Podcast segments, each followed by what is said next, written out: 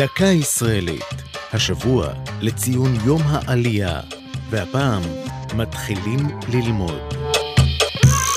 במשך השנים ניטש ויכוח בדבר הבכורה של בית הספר העברי הראשון בעולם.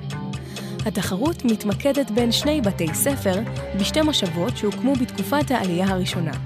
האחד נוסד בראש פינה בשנת 1885, ובו הוגשמה שיטת לימוד העברית בעברית, שהובילו החלוץ משה דוד שוב, חוקר העברית יצחק אפשטיין, והמנהל והמורה שמחה חיים וילקומיץ'.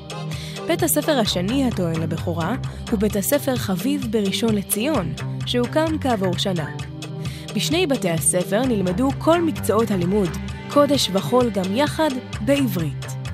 אחד מוותיקי ראשון לציון סיפר כיצד יום אחד המורה מרדכי חביב לובמן, שעל שמו נקרא מאוחר יותר בית הספר, הזמין את התלמידים לשבת ואמר, היום נלמד בעברית.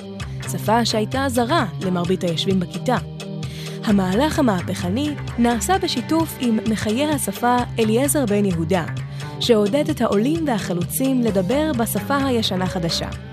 ועובדה, שני בתי הספר פועלים עד ימינו אנו. זה שבראש פינה אומנם עבר גלגולים שונים, אולם בבית הספר חביב במרכז ראשון לציון אפשר לבקר וללמוד גם כיום. זו הייתה דקה ישראלית על יום העלייה ומתחילים ללמוד.